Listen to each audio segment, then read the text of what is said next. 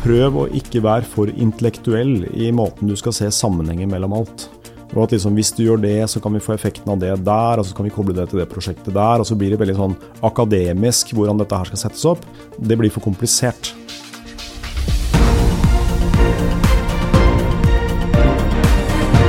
Dette er All In med Oslo Business Forum. Sven Taulau er data- og teknologidirektør i Skipsted. Vi har invitert ham til en samtale om Skipsted Future Report, som ble lagt fram i februar. Sven har jobbet med teknologi siden 1999. Mange år i Telenor, i ulike roller, og noen år i Cisco som leder for Norge og Island. Han har nå vært i to år i jobben med å bygge opp data- og teknologiplattformer for millioner av kunder verden over. Schibsted har på sine plattformer rundt en milliard månedlige besøkende. Så i dagens episode har vi besøk av en som virkelig kan fortelle oss hva som rører seg av både megatrender og mer konkrete ting når du leder et selskap om å tenke på teknologi og internett nå i årene som kommer. I denne podkastepisoden ønsker jeg å lære mer om 1. Teknologitrender og brukertrender fra Schibsted Future Report. 2. Adopsjon av ny teknologi fra en som omtaler seg at han er på the bleeding edge of technology. Og tre, tips til ledere som strever med teknologiledelse. Velkommen til podkasten All In med Oslo Business Forum, en podkast for ledere som er lidenskapelig opptatt av ledelse, innovasjon og strategi.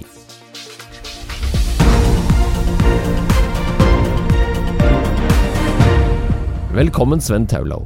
Før vi tar for oss Schibsted Future Report, så må jeg si at jeg så webinaret online, og det kan du også som hører på, på YouTube, der du fortalte at du regner deg selv som en cyborg, Sven. Fortell. Ja, det kan jeg godt fortelle om. Altså, jeg vokste opp med at jeg har redusert hørsel og fikk høreapparat opp i 20-åra, da jeg ble eksponert for andre dialekter i Forsvaret og på universitetet, og ikke skjønte bæret av hva de sa fra Setesdal. Og eh, Den reisen har vært veldig spennende. Eh, det jo vært, eh, var jo en gang analoge høreapparater, og så ble de litt mer avanserte og så ble de digitale. Så kunne de ta og forsterke noen frekvenser høyere enn andre, f.eks., slik at ikke alt ble skrudd opp inn i øret ditt. Det, da begynte jeg å bruke det. Og så har de etter hvert blitt koblet opp mot mobiltelefonen, slik at du kan skru opp volumet opp og ned, f.eks., eller endre programmet slik at hvis du er på en restaurant, så blir det bedre lydbilde, eller du er i trafikk osv. Og så har de omsider, for mange av oss som har vært eh, interessert i teknologi, så har de omsider fått koblet det skikkelig opp til mobiltelefonen. Og nå er de i praksis det jeg vil si som er the wearable på the bleeding edge. Vi snakker om wearables, klær, connecta sko og sånne ting, men de høreapparatene som er nå, som jeg bruker Først, du ser dem ikke. Eh, og for det andre så kan du kontrollere dem med gestures, altså med bevegelser. Så jeg kan f.eks. Eh, ta en telefon ved å tappe på venstre side av øret mitt. Det vil ikke bare si at jeg gjør det på hodet mitt. Så tar jeg telefonen og prater rett ut i lufta. Mikrofonen er embedda inn i høreapparatene. Ingen ser høreapparatene, så du ser altså helt forrykt ut. Når du går rundt i en butikk for eksempel, og prater, og ingen, skjønner, ingen ser airpodsene, for de er borte og du prater med noen rett ut i lufta. så de, Du får sånne merkelige blikk. Det er den ene morsomme delen av det. Det andre er at hvis jeg tapper to ganger på det høyre øret mitt, så våkner Siri. Og så sier jeg bare 'Kan du fortelle meg om Donald Trump?' Og så sier hun 'Donald Trump er bla, bla, bla', og da kommer hele historien om Donald Trump. Fremdeles er jo Siri egentlig begrensningen. Men hvis du ser for deg dette som en audiointerface mot internett, hvor Siri gjør mye bedre arbeid. Ikke at hun sier 'dette er det jeg fant på internett', og så må du opp med telefonen og se på hva hun har funnet på internett, men hun faktisk klarer å dra ut ekstrakter av hva du spør om. Ja, Da er du jo rett, rett og slett en cyborg som er kobla til internett alle de våkne timene i døgnet. Dette, disse koster liksom 12 000-15 000 kroner nå, men du kan se for deg at om noen få år så kan du gå på Elkjøp, på nettet sannsynligvis, da, og så kjøper du deg AirPods Invisible fra Apple, som ingen kommer til å se, men som er da rett og slett AirPods på steroider kobla på internett, slik at du er på hele døgnet. Det er herlig. Fantastisk. Og ingen uh, sus og ingen støyende frekvenser, og den demper og jobber med, med motfaser og alt som er Ja, ja. Er, uh, den har ikke noise cancelling, sånn som Bose f.eks. har i dag, men det er bare software. Så det Et litt knips, og så får du sånn total stillhet? ja, men, det, men det, siden, jeg, siden, jeg, har redusert hørsel, så hvis jeg skrur dem av, så hører jeg verken ungeskrik eller uh, dama mi, for å si det sånn. Både praktisk og upraktisk på samme tid. Ja, det kan være det. Jeg, jeg er historiker, så jeg har alltid lurt på når i, i, teknologiens historie vi skal kvitte oss med tastatur og glassplate. Men det er jo egentlig litt det du sier, da. At man kan få en, en slags uh, hjelp til hjernen å styre datamaskinen. Eh, ja, du, komme, kom, du, kommer nok helt sikkert dit på et eller annet tidspunkt. Jeg tror nok at uh, lydinterfacet er nok i ferd med å gå gjennom en breakthrough. Uh, men for det så trenger vi f.eks språkmodeller. Og I Norge har vi jo ikke noen god norsk språkmodell. Det jobber vi nå med sammen med NTNU, så Skipsted og Retriever og Amedia. Så vi pumper, og NRK vi pumper alle dataene våre inn til et stort forskningssenter på NTNU som heter Norway AI. Eh, som er et eh, senter for innovasjon. Og så skal vi, basert på en supercomputer, sannsynligvis i Finland, bygge en norsk språkmodell som er mye mye bedre enn det du f.eks. får hos Google Apple. Og Da vil du kanskje komme til et tidspunkt hvor du rett og slett kan diktere ikke skrive, men diktere med en veldig god presisjon. Det er ikke så langt unna. Det jobber vi med nå. Spennende. Hvor langt unna er det? Ja, det, det Selve implementasjonen av det vil nok uh, sikkert ta noen år, tror jeg. Kanskje, la meg gjette tre, fire, fem år. da. Nei, fem. Jeg er alltid litt for optimistisk. uh, men selve språkmodellen, ja, den burde vi ha på plass i løpet av et års tid. Spennende. Schibsted er jo et stort selskap, og hvert eneste år så legger dere fram en sånn future-rapport hvor dere ser inn i glasskulen og har noen betraktninger om eh, hvordan framtiden blir. Og fra teknologisiden så, så har, har, dere løftet fram altså ti ting som dere mener er verdt å få med seg. En av de er ganske stor og omfattende, en variant av internett hvor dere kaller det splinternett. Det stemmer. Kan du forklare litt nærmere hva splinternett er? Sønn? Ja, Det er jo det at uh, Du kan si at weben på en måte er død i sin anarkistiske form. Dette har jo gått stegvis. Uh, men at myndighetene tar jo mye mer større kontroll over dette her i veldig mange land. Det i kombinasjon med at de store internettgigantene, de vi kaller for GAFA, pluss de kinesiske, også gjennom sin enorme makt tar kontroll uh, over deler av internett. Og jeg tror at det vi har sett nå f.eks. med at Amazon kasta ut Parler, som er den tjenesten som da mange på den høyre siden i USA nå har flyttet seg til for å ha en diskusjon rundt ja, hva skal si, trumpisme, eh, er et eksempel på hvor de store selskapene går inn og er bidragsgivende til å splitte internett. Og Dette er jo faktisk en bekymring fra vår side. Ikke at vi tror at Amazon kommer til å gjøre det med Schibsted. Vi har masse av våre systemer i Amazon. Og de har retten i sine kontrakter til å kaste oss ut. Eh, så rent sånn Ytringsfrihetsmessig så er jo det en bekymring at kan Amazon som en teknologileverandør bestemme hva som er bra presse og dårlig presse, og kaste folk ut av systemene deres? Og i realiteten skjøtte dem ned i månedsvis før de kommer opp et annet sted? Splinternett. Here to stay. Litt dystopisk. Nei, ikke bra. Altså. Nei, det er jo ikke det. Hva, hva, den, eh, hva kan være reformvarianten av dette? Vil de store oligopolene skjønne at de må ha brukerne på sin side, eller vil vi se WeChat og Alipay og disse store helintegrerte plattformene bare overta? Nei, altså, så, så, lenge, så lenge det blir lett for små virksomheter å bygge seg store på internett, og Det er et spørsmål i seg selv, for det er noen markedsmekanismer som er veldig dominerende hos Google og Facebook for å bygge antall brukere. Så lenge det er der, så vil det jo alltid være muligheten for at noen andre kan ta over hvis noen andre oppfører seg dårlig. Uh, og Det tror jeg er et viktig fundament for å, få, for å, unngå dette. Det andre er regulering. Og da er regulering i en positiv forstand. Uh, slik at den type selskaper ikke kan agere på den måten. At de ikke kan få lov til å stille sånne terms i f.eks. kontrakter mot selskaper. Men da må det tøffere regulering til, og det er jo ikke alle land som er veldig glad i det. Nei, men Det er jo noe på gang når Australia klarte å tvinge både Google og, og, Facebook var det vel, til å måtte godta at de må betale for annen, altså tredjeparts i deres øyne, da, ja. sitt innhold. Så er det jo en eller annen bevegelse mot det, da, å regulere det. Ja, det er jo det. Du kan se det, og det går helt, helt til skattepolitikken, ikke sant? hvor gjelden går ut og sier at man skal ha en flat selskapsskatt over hele verden. Det er klart at uh, det er jo, I dette her så ligger jo hele denne problemstillingen rundt skatt, skatt og beskatning av utenlandske selskaper som har digitale tjenester i et annet land. Så eh, det er et eller annet som skjer nå. Ja. Eh, og Hvorvidt de klarer å løse det, det er jeg usikker på. Og vi skal ikke løse det her og nå, men Nei. det er spennende å snakke om det. I, Ja. i forrige episode av denne fabelaktige All In Oslo Business Forum-podden, så hadde jeg besøk av Martin Schytt fra Askeladden. Ja. Og han snakker jo om disse analoge selskapene, de- eller analoge er det jo ikke, de har jo teknologi i seg, for de har noen brukerinterface med, med brukerne, men at han mener at eh, en del det blir mye opphaussing av digitale forretningsmodeller. At alt ikke nødvendigvis må ha tech for å kunne anvende tech.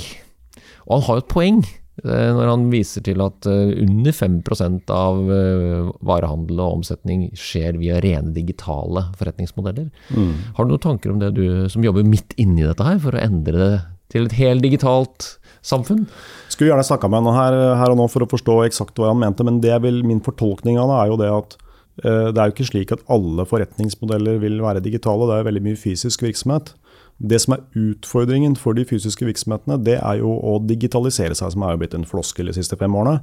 Men det handler jo om kanskje det han er inne på, at en, et begravelsesbyrå da, som de driver og disrupterer bl.a. De har jo en frontend hvor du kan bestille hva slags gravstøtte du vil ha etc. Men prosessene i bakkant er jo på ingen måte digitaliserte. Så det blir en slags sånn derre Du bare pakker inn uh, unnskyld ordet, dritten, og så er det fremdeles sånn som det så ut før inni.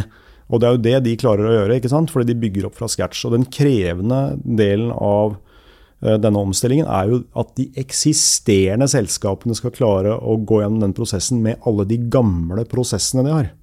Og alle de gamle systemene. Så eh, du kan si ja, det er en opphaussing, men jeg tror ikke at f.eks. tech-selskaper i dag er nødvendigvis overvurdert i verdi, f.eks. Det kan godt hende at det er andre typer kategorier, som det grønn teknologi f.eks. er kanskje litt overhypet i dag, mens teknologiselskapene har jo mange av dem har jo substansielle inntekter og kundevekst. Det er ikke sånn som det var i dotcom. Nei. Nei, det, jeg kjenner jo at vi det, vi, vi det er litt sånn, ikke flosklete sagt, men det er jo opplagt at dette er både og. Det er ikke enten-eller. Man er jo avhengig av å, å snakke med kunden sin, man er avhengig av å identifisere effektivitetsprosesser i verdikjeder og alt det der. så det er jo ikke noe nytt. Men kunnskapen om teknologi, som du er inne på, den der å få tak i riktig kunnskap og teknologi, tror jeg det er veldig mange som sliter med. Det, det handler vel litt om timing også. Og, og et av de punktene dere har med, jeg tror det er punkt nummer fem, dette med 5G.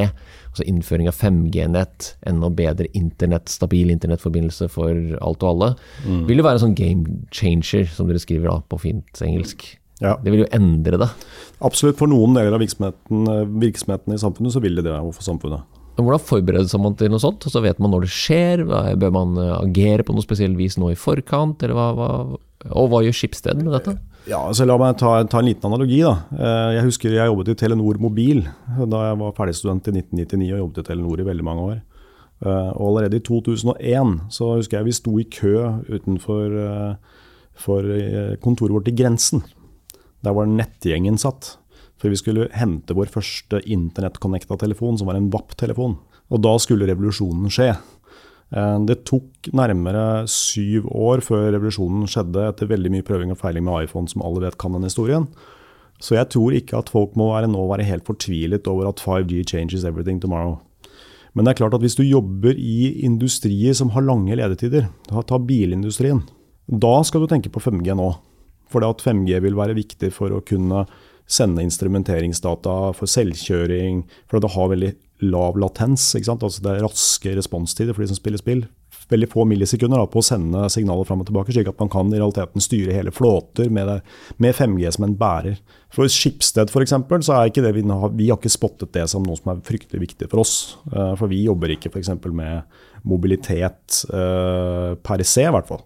Men det er jo noe vi har på radaren, selvfølgelig. Akkurat som vi gjør da i Future Report. At vi, vi skriver om det, tenker på det.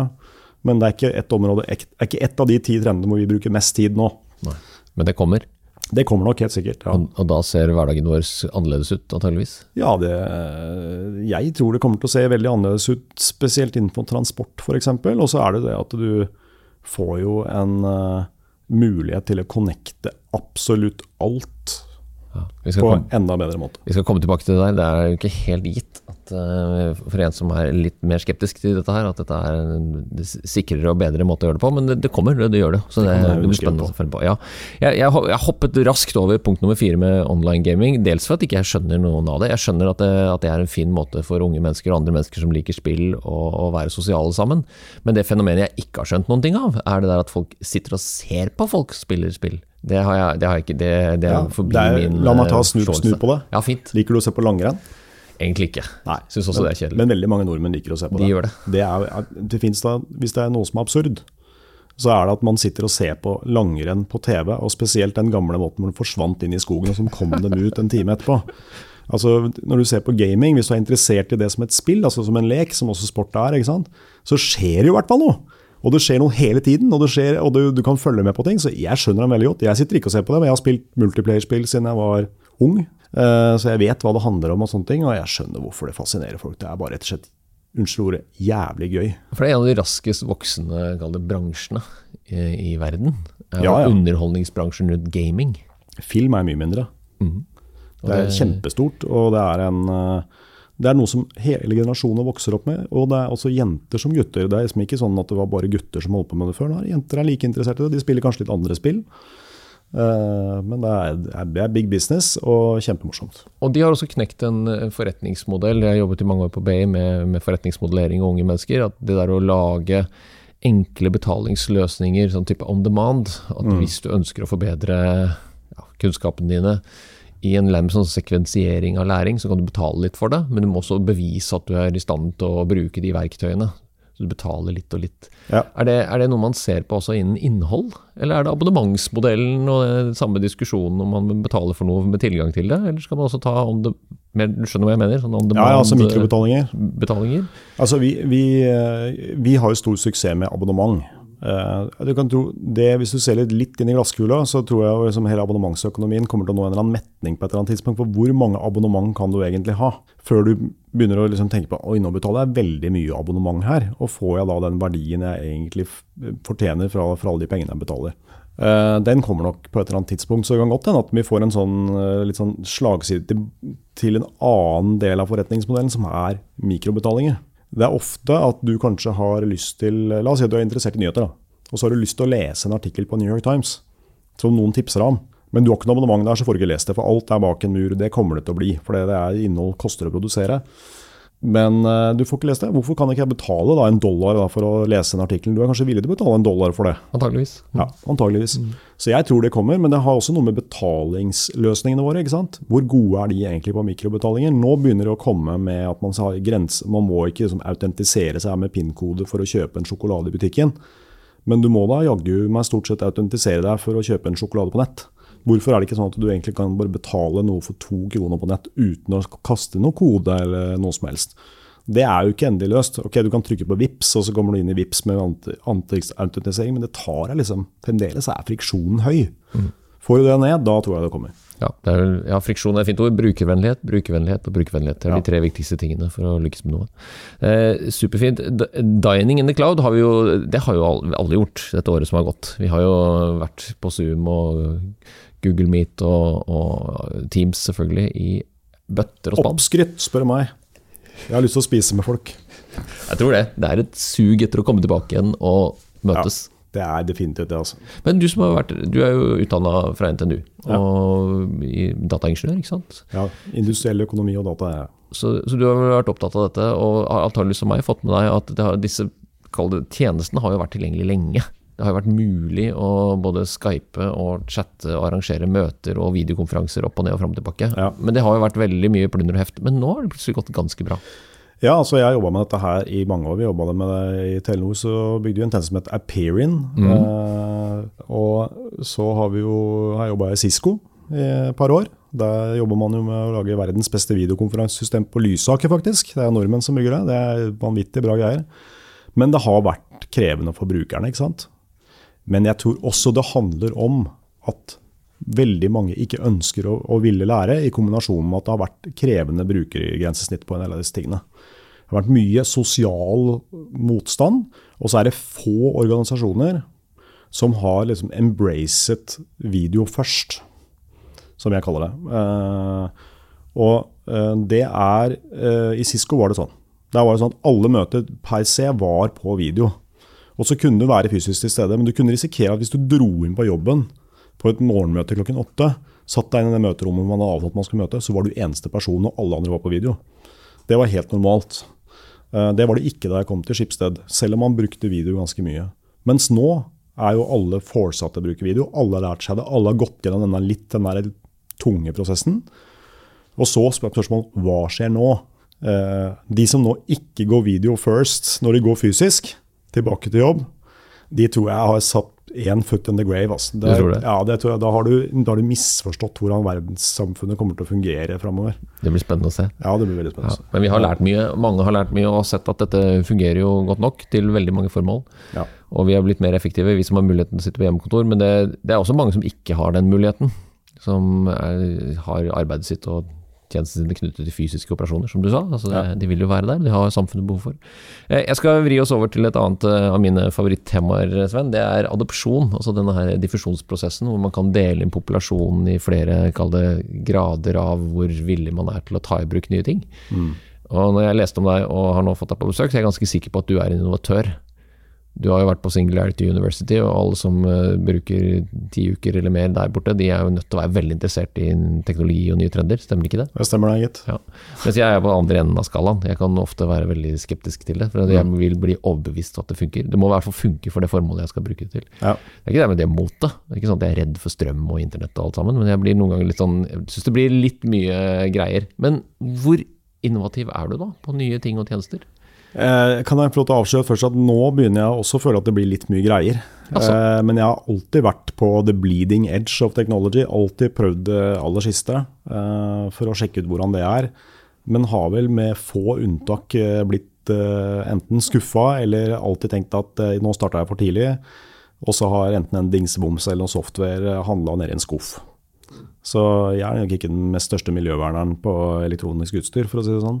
Jeg vil si det siste som har skjedd, som er et typisk eksempel på at jeg har bomma litt grann, da, på tid, da, det er jo at jeg har gått i sånn, eh, den såkalte smarthusfella. Hva er det?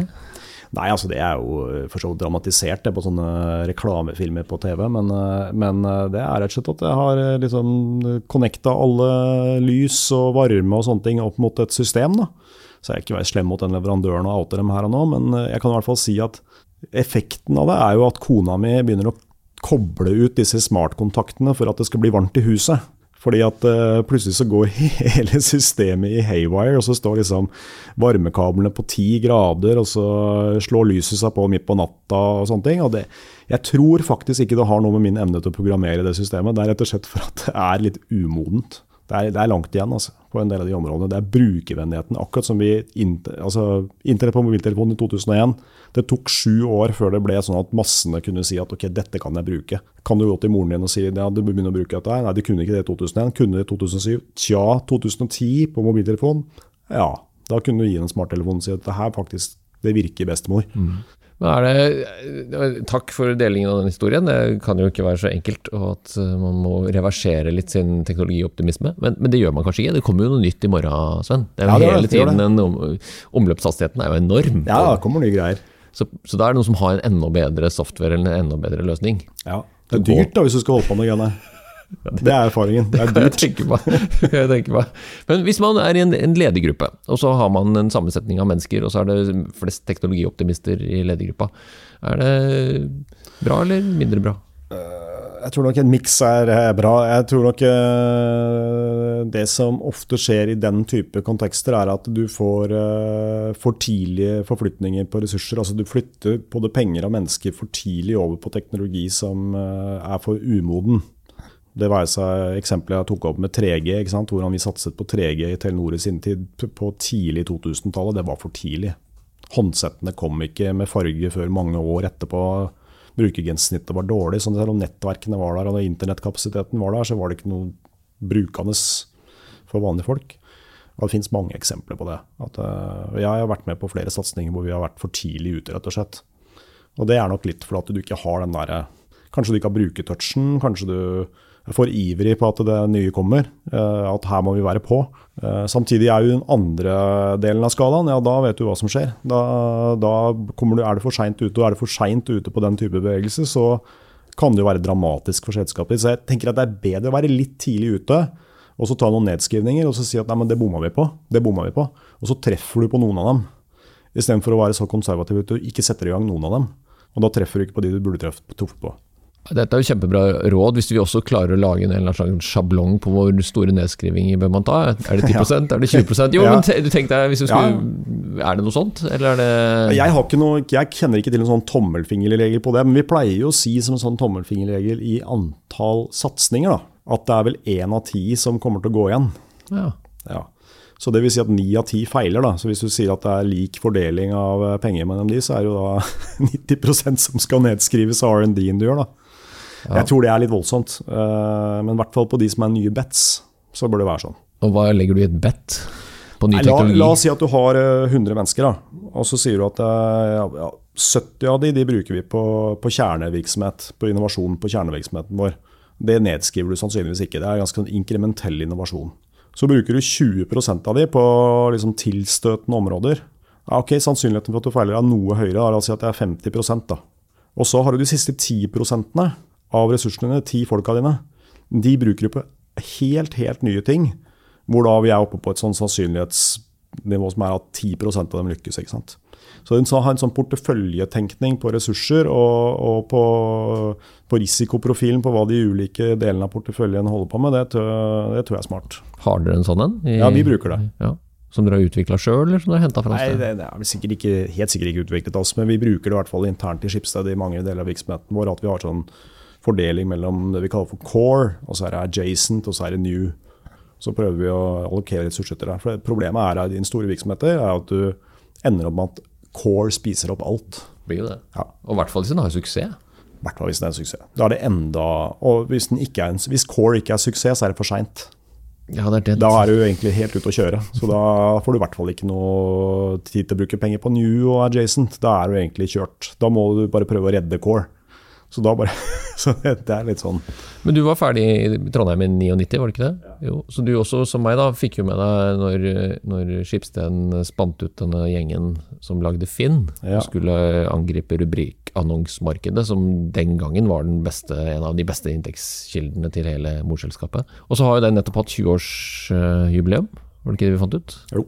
Og, og, dette selskapet var jo en utfordrer en god stund, faktisk, i morselskapet. Og har blitt en svær eh, plattform, som man også har spunnet videre med og lært av i utlandet, til og med. Hvor, hvor godt kjenner folk den der Finn-historien eh, rundt omkring, som sånn innovasjonscase? Jeg tror i teknologimiljøer så tror jeg folk kjenner det veldig godt. Jo, jo. Uh, Hvis du tar ut av det, da?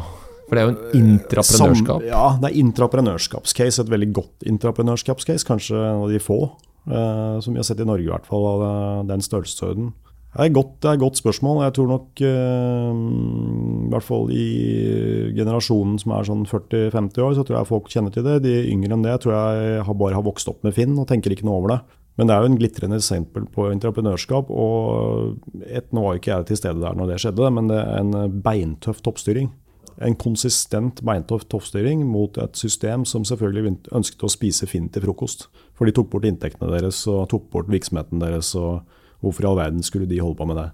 Men de har jo blitt en, nærmest en slags plattformøkonomi i seg selv, med veldig mange integrerte tjenester, og, og, tester ut nye tjenester mot forbrukermarkedet. Så der henter man nok inn en god del data mm. inn til de andre, jeg vil si Blokket og de, de, de andre landene hvor Schibsted er. Mm. Er, det, er, det, satt i system på noe vis? Kan du si noe om det? Altså Har man dette sånn, Sampler man eh, tjenester og ressurser i de ulike landene, og så deler det på tvers?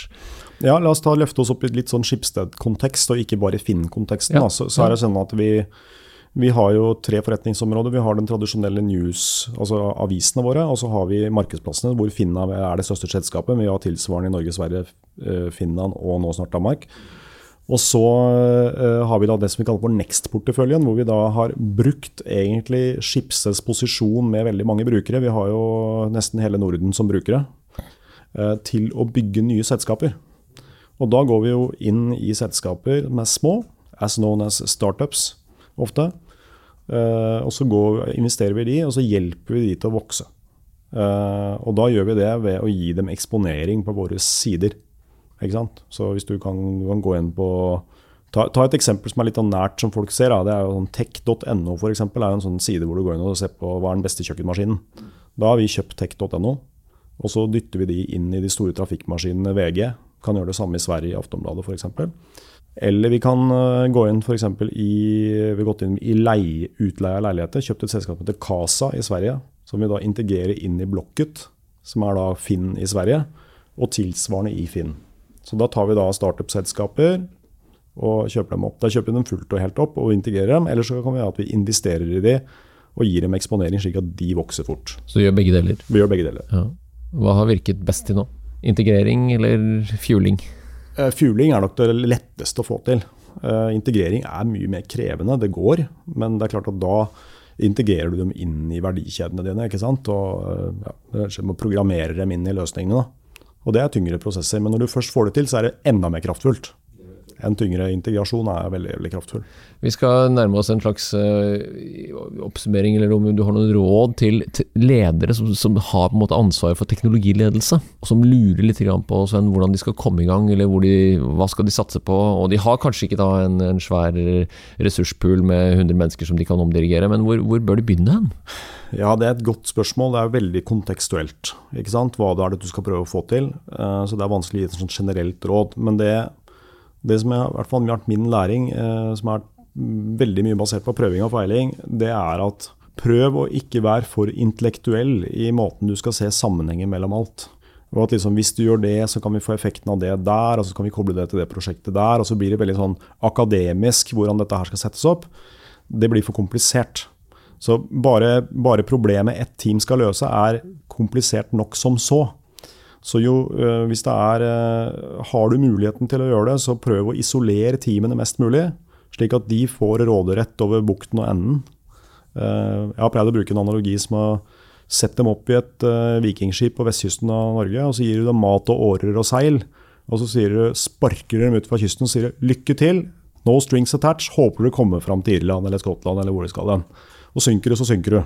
Ikke sant? For det er veldig typisk at man prøver å lage avhengigheter i hele selskapet. Og så er det ja, men jeg får ikke ressurser derfra, eller dere har jo fortalt meg at jeg må gjøre det på den måten der, men det, jeg vil ikke bruke den løsningen der, for det er ikke noe effektivt for meg, men dere har fortalt meg det, så da går det veldig mye tregere. Så det blir masse unnskyldninger, for det første. Og for det andre så senker man hastigheten. Og hastighet er key. Så prøv å isolere teamene hvis du kan gjøre det, og få dem fokusert på å løse én oppgave. Det er helt strålende. og Jeg liker jo sånne historiske analogier. Jeg nevnte jo for deg at jeg er historiker, og vikingene de, de dukket jo ikke opp fra intet, selv om de gjorde det i Lindisfine i 793 eller noe sånt, til en stor overraskelse for engelskmennene. Men det var jo en langsom utvikling av en innovasjon som vi faktisk ikke klarer å gjenskape, nemlig vikingskipene i seg mm. selv. Så det er også spennende å snakke med deg om at hvis 5G er liksom det nye vikingskipet, og plutselig så bare er det der, så vil det være noen som tar det før noen andre som vi snakket om i sted. Ja. Å, og, og det, det, jeg er ute etter nå, er den timingen. Mm. Hvem, hvem, klarer å se det riktige tidspunktet for å innovere eller lansere en ny tjeneste? Ja, det er, eh, og det er tusenkronersspørsmålet. For hadde du visst det, så hadde du blitt ufattelig rik. Ikke sant? Det, er, det handler jo om timing på eh, Spesielt på at ulike elementer i en brukeropplevelse skal være på plass. La oss gå tilbake til mobiltelefoneksempelet. Nettverket var der. Standardene var der. Mobiltelefonene var ikke der. Og mobiltelefonene, At de ikke var der, gjorde at innholdsprodusentene heller ikke var der. Så ingen som kunne lage noe innhold som var noe interessant for brukeren. Så da kom det ikke i gang. Det var liksom ikke før du fikk en appstore og du fikk en økonomisk modell rundt det, med et godt brukergrensesnitt, med tillegg til at nettverkene var der, at det faktisk begynte å fungere. Og jeg tror dette 5G er ganske likt. Hvis, hvis det ikke er noen devices som støtter 5G, som gir deg noe mer verdi, hvorfor skal du ha 5G? Da blir det på en måte bare en ny bærer som kanskje er mer kostnadseffektiv for teleoperatørene, men for deg som sluttbruker har ingenting å si. Men hvis dette her utvikler seg dit hen at f.eks. bil, du får en bedre opplevelse av å kjøre en bil, fordi du kan slappe av mer, og du får alerts når andre biler kommer mot deg, og du varsler at det måkes eller ikke måkes, og alle disse greiene der som kan skje, ja, da er det noe du er villig til å betale for. Da kan det hende at du sier at nei, men jeg, jeg, har lyst til å ha en 5G-connecta bil, for det første. Og jeg har også lyst til å ha et 5G-abonnement på bilen min. som koster 200 kroner for at jeg har lyst til å ha de X tjeneste X, Y, Z. Og der. Men alle disse brikkene må passe, passe på plass. så jeg tror Skal du overvåke trender, så må du ikke bare se på teknologitrenden, men du må se på økosystemet og alle elementene som er der, for å finne ut av hva er den riktige timingen. Ja, Dette er jo veldig klokt og spennende sagt. og For deg som ikke har fått med denne Future-reporten, så må jeg absolutt anbefale deg å ta en titt på den. Og ikke minst tenke gjennom det som nå Sven har gitt oss til råd om når du begynner å flytte på folk. og altså Teknologi og mennesker henger jo sammen. Det, det, det jeg opplever at du snakker om, er hele tiden husk på hvem du skaper verdi for. Mm. Hvis du vet det, så kan du treffe på timingen. Men hvis, klart, hvis det bare er for deg sjæl, og du har en, har en begrensa antall ressurser du bruker opp, så er det mer konsum. Mens man skal skape verdi for noen ved å bruke teknologi, så handler det om å finne den timingen på at det ikke nødvendigvis er for tidlig ute, og heller ikke for seint.